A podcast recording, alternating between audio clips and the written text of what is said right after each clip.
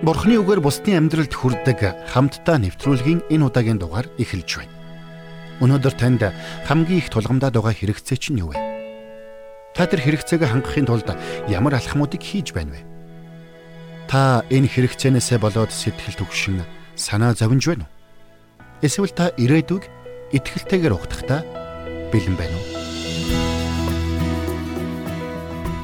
Өнөөдрийн нэвтрүүлгээр доктор Стенли бидэнд Бурхны тавлсан цаг болон Бурхны хангалтыг төвчээртэйгээр хүлээх хэрэгтэй болохыг сануулах болно. Үнэн дээр Бурхан бидний хүссэн бүхнийг дандаа өгöd байдаггүй. Бас тэр бүр бидний хүсэн хүлээсэн арга замаар ажиллаад байдаггүй. Учир нь Бурханд өөрийн төлөвлөгөө, өөрийн арга зам бий. Тиймээс хэрвээ бид Бурхны тавлсан цаг түүний арга замуудад анхаарлаа хандуулах юм бол тэр бидний хэрэгцээг гайхамшигтайгаар хангах болно. Ингээд хамтдаа өөрийн хэрэгцээгээ хэрхэн бурхны арга замаар хангах вэ гэсэн сэдвээр суралцгаая.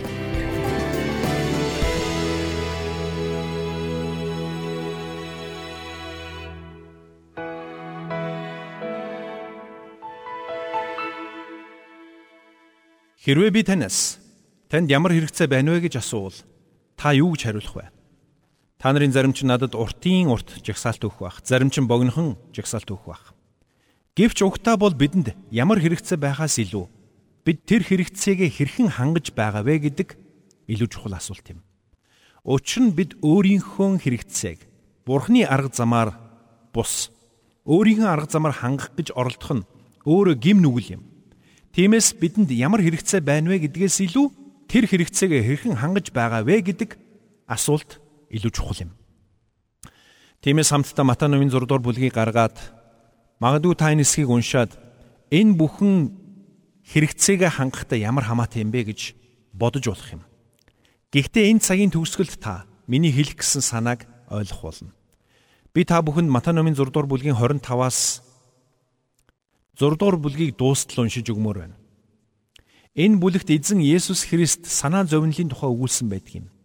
Энэ бүлгээс бид өөрсдийн хэрэгцээг хэрхэн зөвөр хангах тухай болон бид энэхүү зөв арга замаар хэрэгцээгээ хангах үед Бурхан бидний амьдралд ямар гайхамшигтай ажлуудаа хийдэг болохыг харах болно.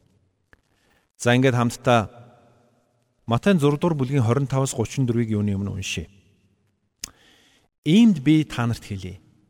Юу идэж юу уух вүлээ гэж амийнхаа төлөө санаа бүү зов. Мөн юу өмсөх вүлээ гэж биеийнхээ төлөөч санаа бүү зов. Амин хоолноос биеийн хувцснаас илүү эрхэм бусуу Тэнгэрийн шуудыг хараач. Тэд тариа тарьж, хурааж, сарвчанд хадгалдаггүйч Тэнгэрлэг эцэгч нь тэднийг тижээдэг юм. Та нар тэднээс үлэмж илүү үнцэнтэй биш үү? Та нараас хэн ч санаа зовсноор нас бие ганц мөчөөр нэмж чадах вэ? Та нар юунд хувцс хунарт санаа зовно вэ? Талын сараа нь хэрхэн ургаж бүг ажиглаач. Тэд зүдэж зүтгэдэггүй, ээрмэлч хийдэггүй. Гэвч би та нарт хэлье. Соломон хаанч сүр жавхланда эдний нэгтэнч дүүцхэр хуцлаж байгаагүй. Өнөөдөр амьд байгаад маргааш зууханд хаягдах хээрийн өвсийг бурхан ийхүү гойдог бол тэгэх тусмаа тэр та нарыг илүү хувцлахгүй гэж үү? Өчүүхэн итгэлтнүүдэ. Тиймээс юу идэх вүлээ, юу уух вүлээ, эсвэл юу өмсөх вүлээ гэж санаа бүзв. Харийнхан энэ бүх зүйлийг чарман хайдаг вүлээ. Харин Тэнгэрлэг эцэгч нь та нарт энэ бүх хэрэгтэйг мэддэг юм. Гагцхүү эхлээд Бурхны хаанчлал ба зөвхт байдлыг хайхтун. Тэгвэл энэ бүгдийг та нарт нэмж өгөх болно. Маргааш нь өөртөө санаа тавих тул маргаашийн төлөө санаа бүү зов. Өдөр бүрийн зүдгүүр өдөртөө хангалттай. За тэгэхээр дээр хишлүүдийг нэгтгэхэд үзэх юм бол эзэн Есүс энд бидэнд гурван тушаалыг өгсөн байна. 25 дээр харах юм бол иймд би та нарт хэлье санаа бүзв. 31 дээр харах юм бол тиймээс санаа бүзв. 34-ийг харах юм бол санаа бүзв гэж тушаасан байна. Эзэн Есүс энд бидэнд санаа бүү зов сэтгэлээр бүү ун сэтгэлээ бүү зовоо гэж тушаасан байгаа юм. Үүний дараа тэрээр бидэнд санаа зовх шаардлагагүй болохыг дөрвөн зүйлээр тайлбарлсан байгаа. Тэрээр хамгийн түрүүнд 26 дугаар ишлэлдэр шуудыг жишээ авч ярьсан юм. Тэнгэрийн шуудыг хараач тэд тариа тарьж хурааж сарвчанд хийж хадгалдаггүй гэж хэлсэн. Өөрөөр хэлбэл тэд юунд ч санаа зовхгүйгээр амьдрдаг гэдгийг Есүс хэлсэн юм. Цааш нь үргэлжлүүлээд харах юм бол Тэнгэрлэг эцэгч нь тэднийг тижээдэг юм аа. Та нар тэднээс үлэмж илүү үнцэнтэй шүү гэж сануулсан байна. Үүнхээр бид Тэнгэрт нисэх шуудыг ажиглан харах юм бол бид өөрсдийнхөө хэрэгцээний төлөө үхэн хатан санаа зовних ямар ч шаардлагагүй болохыг ухаарах болно. Хоёрдугаарт Эзэн Есүс Матай 6-гийн 27 дээр та нараас хэн ч ч санаа зовсноороо нас бие ганц мөчөөр нэмж чадах вэ гэж асуусан. Өөрөөр хэлбэл бид санаа зовсон ч амьдралаа уртасгах боломжгүй гэдгийг эзэн Есүс энд сануулсан юм. 3 дугаарт эзэн Есүс талын сараан цэцгсийг жишээ болгон хэлсэн. Ингэхдээ Есүс Матай 6:28 дээр та нар юунд хувцс хунарт санаа зовно вэ? Талын сараа нь хэрхэн ургаж бүг ажиглаач. Тэд зүдэж зүтгэдэггүй, ээрмэлж хийдэггүй гэж хэлсэн. Ингэхдээ Израилийн агуу хаан Соломон хүртэл хамгийн сүр жавхлантай алдрын оргилд байсан үедээ тэдгээр цэцэг шиг үсгэлэнтэй хувцлаж байгаагүй гэдгийг сануулсан юм. Цааш нь үргэлжлүүлээд харах юм бол 6-гийн 30 дээр өнөөдөр амьд байгаад маргааш зууханд хаягдах хээрийн өвсийг бурхан ийхүү гойдог бол тэгэх тусмаа тэр та нарыг ийхүү хувцлахгүй гэж юу өчүүхэн итгэлтнүүд минь гэж хэлсэн байна. Эзэн Есүс энд санаа зовнилоос ангид амьдрахын жишээг бидэнд сануулсан байна. Шууд санаа зовдөггүй. Цэцгэсч бороо орохгүй байх вэ гэж санаа зовдөггүй. Тэд зүгээр л амьдардаг. Тэд юунд санаа зовдөггүй. Гэсэн ч бидний Тэнгэрлэг эцэг тэдэнд санаа тавьсаар байдаг юм. Үүний нэгэн адил Бурхан бидэнд ч мөн хэрэгцээтэй бүхнийг мань хангаж өгдөг. Тэр бидний талаар бүхнийг мэдэж байдаг юм. Тэр бидний дотор төрж буй сэтгэл хөдлөл нэг бүрийг мэдэж байгаа. Тэр бидний бие махбодын бодол санаа, сэтгэл санааны хэрэгцээгч мэдэж байдаг юм. Тэр бидэнд байгаа хэрэгцээ нэг бүрийг жижиг гэлтгүй мэдэж байдаг юм. Учир нь бүх зүйл түүний мэлмийн өмнө илхэн юм шүү дээ. Учир нь тэр бол бүхнийг бүтээгч бурхан. Өөрөөр хэлбэл бурхны мэдлэгээс гадуур өнгөрөх зүйл гэж үгүй. Тэр өнгөрсөн одоо ирээдүг нэгд нэгэнгүү мэдэж байдаг юм. Тэр утгаараа Бурхан ирээдүйд танд ямар хэрэгцээ шаардлага тулгархыг ч мэдэж байгаа. Бидний ойрын ирээдүйд ч холын ирээдүйд ч аль алинд нь Бурхан хамт байх болно. Тэр утгаараа ирээдүйд бидний өмнө тулгарх хэрэгцээ нэг бүр Бурхны дотор аль хэдийн хангагдсан юм. Харамстай нь бид үүнд бат итгэхийн оронд Бурханд эргэлздэг. Бид Бурхны хүч чадалт биш харин өөрсдийн хэрэгцээ шаардлага нөхцөл байдалд хэтэрхий их анхаарал хандуулдаг юм. За тэгэхээр хамтдаа энэ цагт 2 дугаар шаштар номны 16-гийн 9-ыг гаргаад харъя. 16-гийн 9-дэр ингэсэн байна. Өөрт нь бүрэн хандсан зүрхтэй хүмүүсийг хүчрэгжүүлэх гэж эзний мэлмий дэлхий даяар хэрэн хэсэж явдаг юмаа гэсэн баг. Энэ нь Бурхан бидний хэрэгцээг хангахдаа хизээд бэлэн байдаг гэсэн үг юм. Харин Бурхан бидний хэрэгцээг хангаж байхад бидэнд өөр юу ч хэрэггүй гэдгийг бид ойлгох хэрэгтэй. Цааш нь үргэлжлүүлээд харах юм бол Дуул номын 33 дээр Давид инх өгүүлсэн байгаа. 13-аас 15 дээр Эзэн Тэнгэрээс ажимуй тэрээр хүний хөвгүүдийг бүгдийг харах аваа. Сентинхэн газраас тэрээр дэлхийн бүх оршин суугчдыг ширтдэг юм а. Тэд бүгдийн зүрхийг бүтээсэн тэр агаад тэд бүгдийн үлсийг тэр анхаарах болоо гэсэн баг. Эндээс үзэл Бурхан бидний зүрхийг харж бидний сэтгэлийг ойлгож бидний бие махбод сэтгэл санаа сүнсний хэрэгцээг бүрэн мэддэг болох нь харагдаж байна. Бурханы анхаарлаас гадна үлдэх нэг ч зүйл байхгүй. Тэр бүхнийг мэддэг. Өнөөдөр бид техник технологи өндөр хөгжсөн мэдээллийн 90 100 технологийн өсрөнгөө хөгжлийн үед амьдарч байна.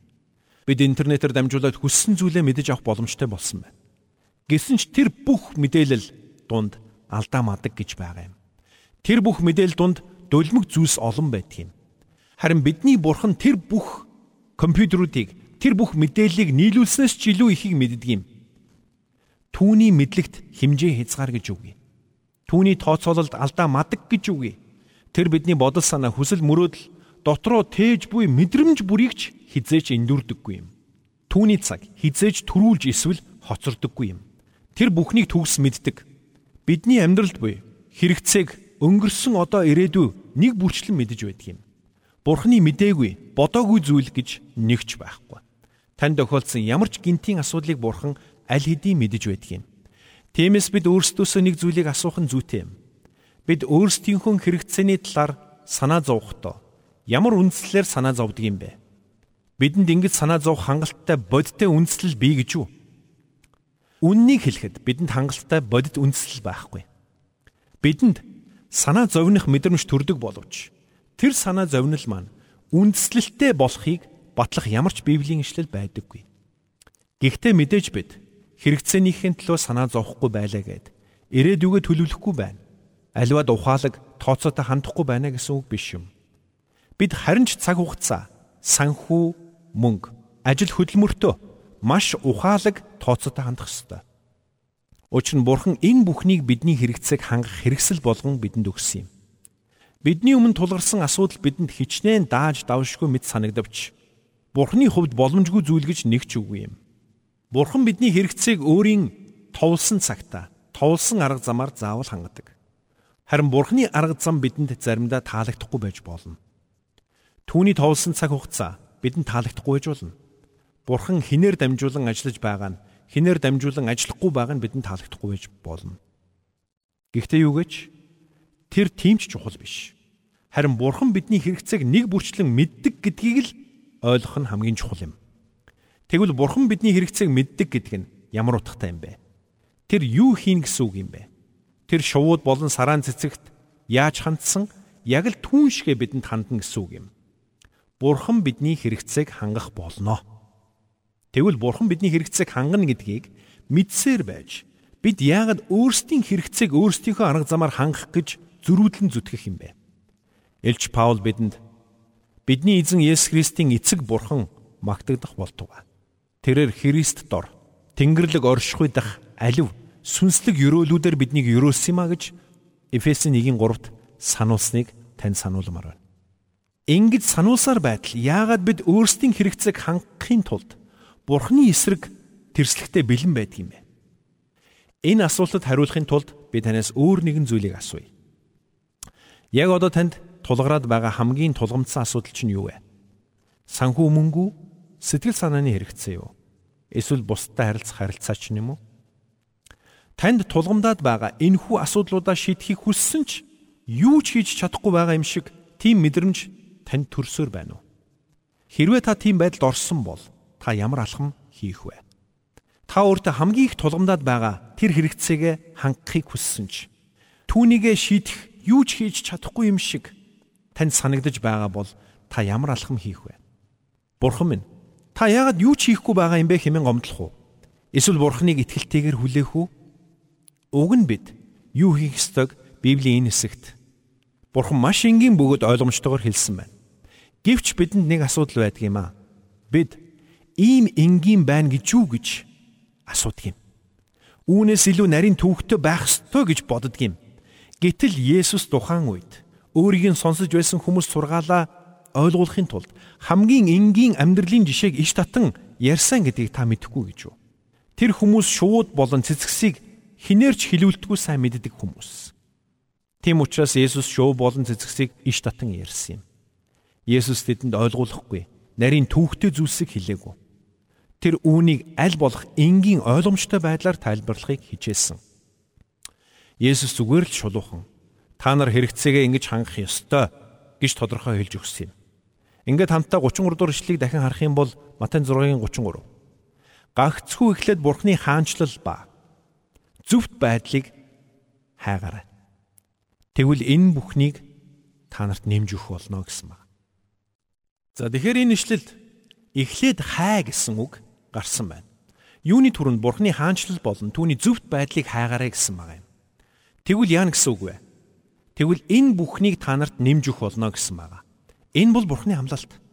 Хэрвээ бид амьдралынхаа эрэм дарааллыг Бурхны хүслийн дагуу байрлуулах юм бол Бурхны үгийг дуулууртаа дагах юм бол бидний хэрэгцээг хангах үүргийг Бурхан өөртөө бүрэн хүлээн авах болно гэж энд хэлсэн байна. Бидний хэрэгцээг хангахдаа Бурхан хизээж хоцордоггүй бас хизээж төрүүлдэггүй. Тэгвэл түүний хаанчлал гэж юу юм бэ?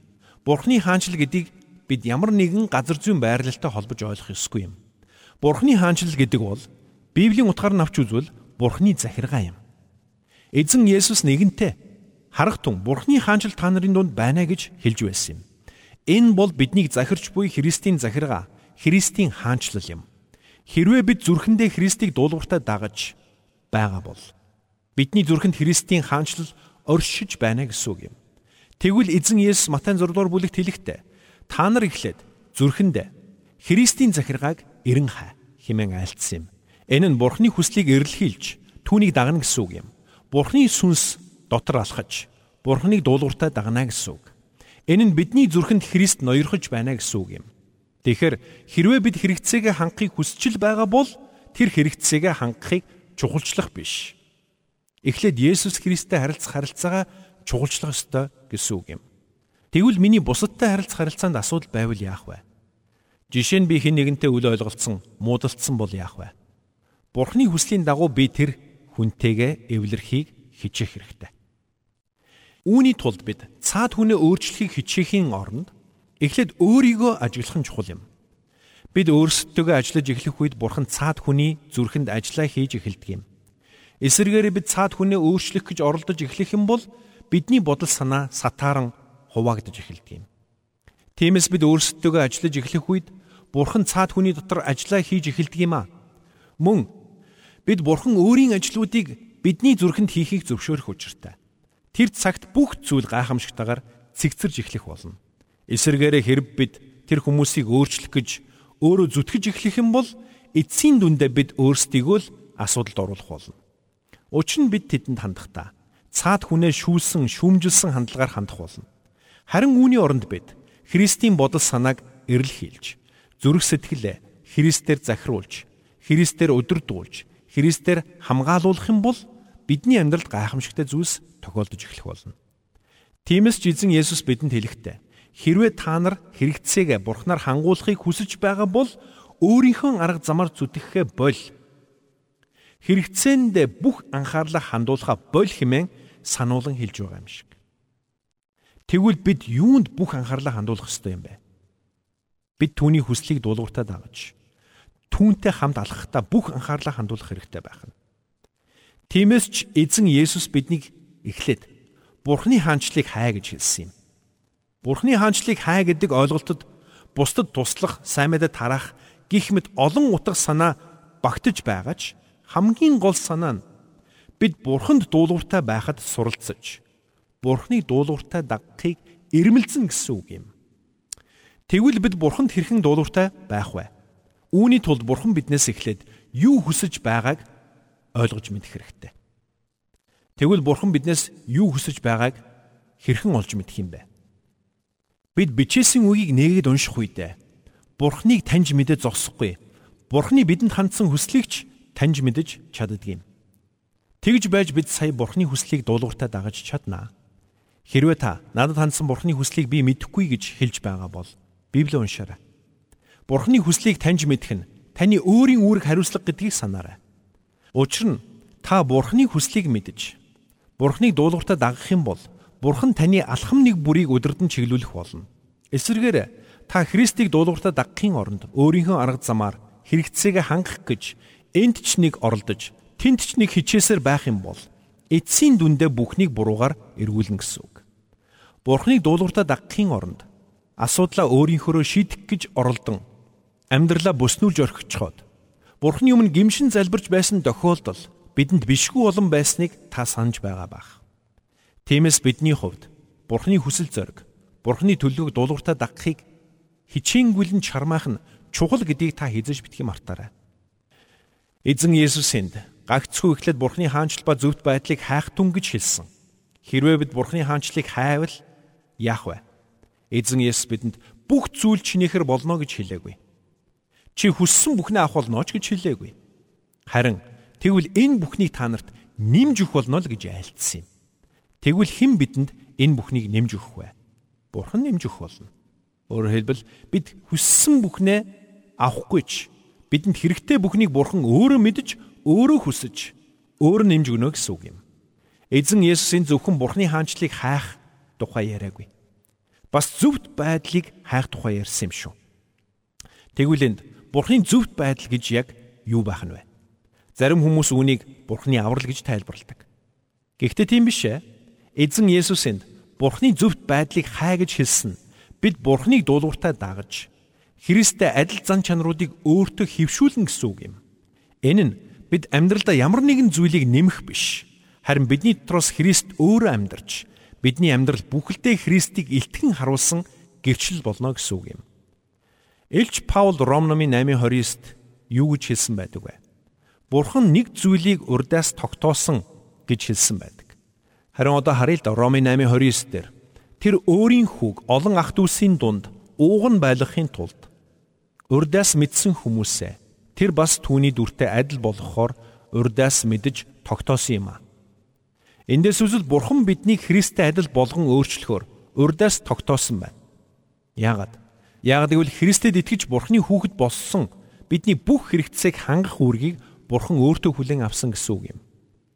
Тэгвэл Бурхан ямар арга замаар бидэнд хэрэгцээг мань хангаж өгдөг юм бэ? Бид Бурханыг дуулууртаа дагаж Христийн дүр төрхийн дагуу өөрчлөгдөх үед Бурхан бидний хэрэгцээг өөрөө хангаж өгдөг юм. Учир нь тэр цагт бидний амьдрал бүхэлдээ Христийг гэрчилсэн амьдрал байх болно. Харин хэрвээ би өөрийнхөө хэрэгцээг өөрийнхөө арга замаар өөрөө хангах гэж оролдож эхлэх юм бол Христийн зан чанарт үл нийцэх зүйлийг үйлдэх магадлал өндөр болно гэсэн үг. Харин би өөрийгөө Христийн дотор хинбэ гэдэгт анхаарч мөн Христ миний хувьд хинбэ гэдгийг ойлгох юм бол Христ миний амьдралын хэрэгцээнд санаа тавих болно гэсэн үг юм.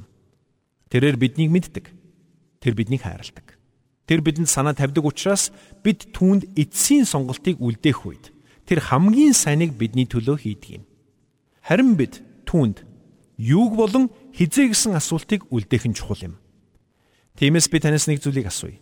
Өнөөдөр та ямар зүйлийг бурханд даатгахын оронд өөрийнхөө хүчээр, өөрийнхөө хүслээр хийх гэж оролцсоор байна вэ? Өнөөдөр таны амьдралд хамгийн ихээр тулгамдчаад байгаа ямар асуудал байна вэ? Та тэр асуудлаа бурханд бүрэн даатгахтаа бэлэн байна уу? Та бурханы өдөрдмжийг дагаж түүний хүслийн дагуу дуулууртай алхахыг хүсэж байна уу? Бурхныг алдаршуулж Есүс Христийг гэрчлэн харуулсан амьдралаар амьдрахтаа бэлэн байна уу? Учир нь би танд нэг зүйлийг хэлье. Өөрийнхөө хэрэгцээг Бурхны биш өөрийнхөө хүслээр өөрийнхөө арга замаар хангах гэж оролцсон орлого бүхэн бүтлгүүтдэг юм. Зарим хүмүүс өөрийн хүссэн зүйлийг яг одоо өөрийн болгохыг хүсдэг. Ямар ч хамаагүй арга замаар өөрийн болгохыг хүсдэг юм. Тэр тусмаа залуу хүмүүс ийм алдааг ихээр гаргадаг. Харин би чамд хэлье. Чи хүссэн зүйлээ одоо өөрийн арга замаар өөрийн болгож болно. Гэхдээ үр дагавар нь хожим нь тань дээр заавал ирэх болно гэдгийг санаарай. Харин тэр үр дагавар нь чамд таалагдахгүй байх болно гэдэгт би итгэлтэй байна. Диавол бүхнийг хуурч дараа болох зүйл битгий санаа зовоо. Чи угаасаа даваад гарчихнаа. Ирээдүйн талаар битгий бод.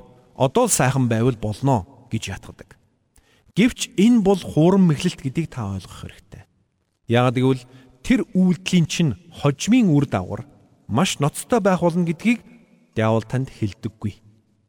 Энэ нь таныг маш ихээр зовох болно гэдгийг ч хэлэхгүй. За тэгвэл та үүний оронд Есүс Христ рүү бүх анхаарлаа хандуулаарай. Түүний өдөрдмж дор алхаж, түүнийг даган амьдраарай. Тэр цагт та үнэхээр сэтгэл хангалуун, аз жаргалтай байх болно. Үнэн дээр ийм л ингийн. Тиймээс таны өмнө сонголт байна. Та нэг бол диавлын хуурам мэхлэлтийг сонгож болно, эсвэл бурхны үннийг сонгож болно. Диавлын хуурам мэхлэлт бидэнд чи наа зүйлээ яг одоо өөрийн болго. Ямар ч арга замаар хамаагүй өөрийн болго гэж хэлдэг бол бурхны үнэн бидэнд хэрвээ чи надад сонголтыг үлдээх юм бол би чамд хамгийн сайныг сонгож өгөх болно гэж айлддаг юм. Өнөөдөр доктор Стенли бидэнд амьдралынхаа хэрэгцээг өөрийн арга замаар, өөрийн хүчээр хангах гэж оролдохын оронд Бурханд найдаж, бүх сонголтыг Бурханд үлдээх үед тэр бидэнд хамгийн сайныг сонгож өгдөг болохыг сануулж өглөө. Учир нь Бурхан биднийг мэддэг. Тэр биднийг хайрладаг. Тэр бидэнд санаа тавьдаг. Тиймээс хамтдаа Бурхан эцэгтэй итгэж бүх асуудлаа түүнд өргөцгөөё. Тэр цагт таны бүх санаа зовнил ор мөргүй арилах болно. Үнэхээр бидэнд зовлон бэрхшээл тулгарх үед бидний итгэдэг бурхан хий юм бэ гэдгийг санах ёстой юм. Тэгвэл дуулал 86 дугаар бүлэгт бурханы итгэмжит байдлыг бидэнд сануулсан байдаг. Тиймээс энэ цагийн төгсгөлд хамтдаа дуулал 86-гийн 5-аас 10-ыг гарган уншицгаая. Эзэн та сайн бөгөөд уучлахад бэлэн. Таныг дуудагч бүгдэд хайр инэрлэр илбэг. Аяа эзэн залбирлыг минь сонор тавин чагнаач. Миний гуйлтын дунд анхаарал тавиач. Зовлон шаналнгийнхаа өдөр таныг би дуудана. Учир нь та надад хариулна. Аяа эзэн бурхтын дунд тань шиг хинч үгүй. Таних шиг үйлсч алга. Аяа эзэн таны бүтээсэн бүх улс үндэстэн ирж таны өмнө мэхийж таны нэрийг алдаршуулна. Учир нь та авууга бөгөөд гайхамшигыг үйлддэг. Та бол бурхан. Та ганцаараа. Амен.